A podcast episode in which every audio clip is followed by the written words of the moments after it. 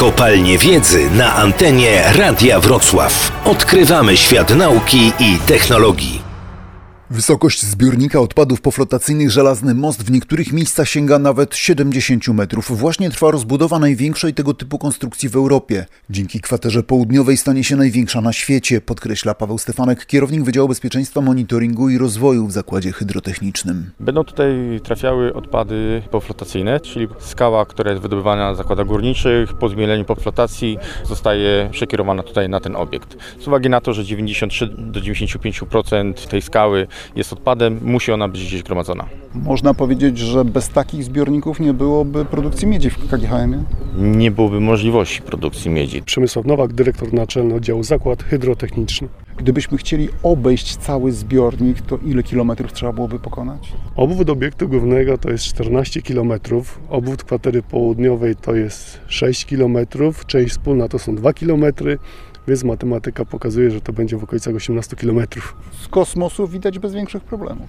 Biorąc pod uwagę, że mur chiński no jest linią, tak, ale widoczną, to być może ta powierzchnia nasza też będzie widoczna z kosmosu.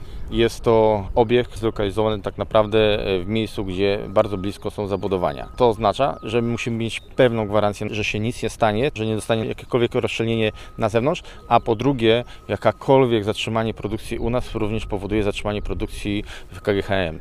Pamiętajmy, KGHM to jest 250 tysięcy ludzi, którzy tutaj pracują, którzy mają pracę, więc nie możemy sobie w ogóle na coś takiego pozwolić. Jedna z ważniejszych metod gwarantujących stabilność gigantycznej konstrukcji to systematyczne wzmacnianie wałów od środka pozostałościami poflotacyjnymi.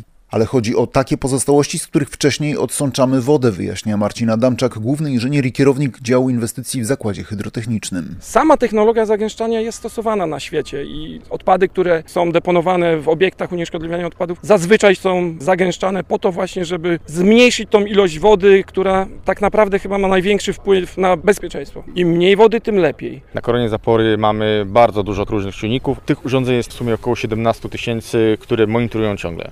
17 tysięcy czujników? Różnego rodzaju, tak. One są spięte w jeden z najnowocześniejszych systemów i możemy w każdej chwili zobaczyć, co się dzieje na danej zaporze, na danym przekroju.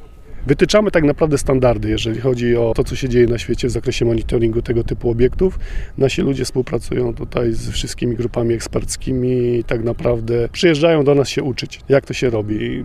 Jest to związane z potężnymi nakładami na utrzymanie tego systemu bezpieczeństwa, ale z drugiej strony mamy to doświadczenie, że przy takim olbrzymim obiekcie, którego wysokość zapór dochodzi do 70 metrów, zapewnione jest jego bezpieczeństwo. Tak? A to bezpieczeństwo możemy gwarantować nie tylko dlatego, że nam się wydaje, ale dlatego, że mamy obiektywne informacje właśnie pochodzące z naszego systemu monitoringu. Rozbudowa zbiornika Żelazny Most pozwoli na produkcję miedzi przynajmniej do 2030 roku. Na audycję zaprasza KGHM Polska Miedź SA.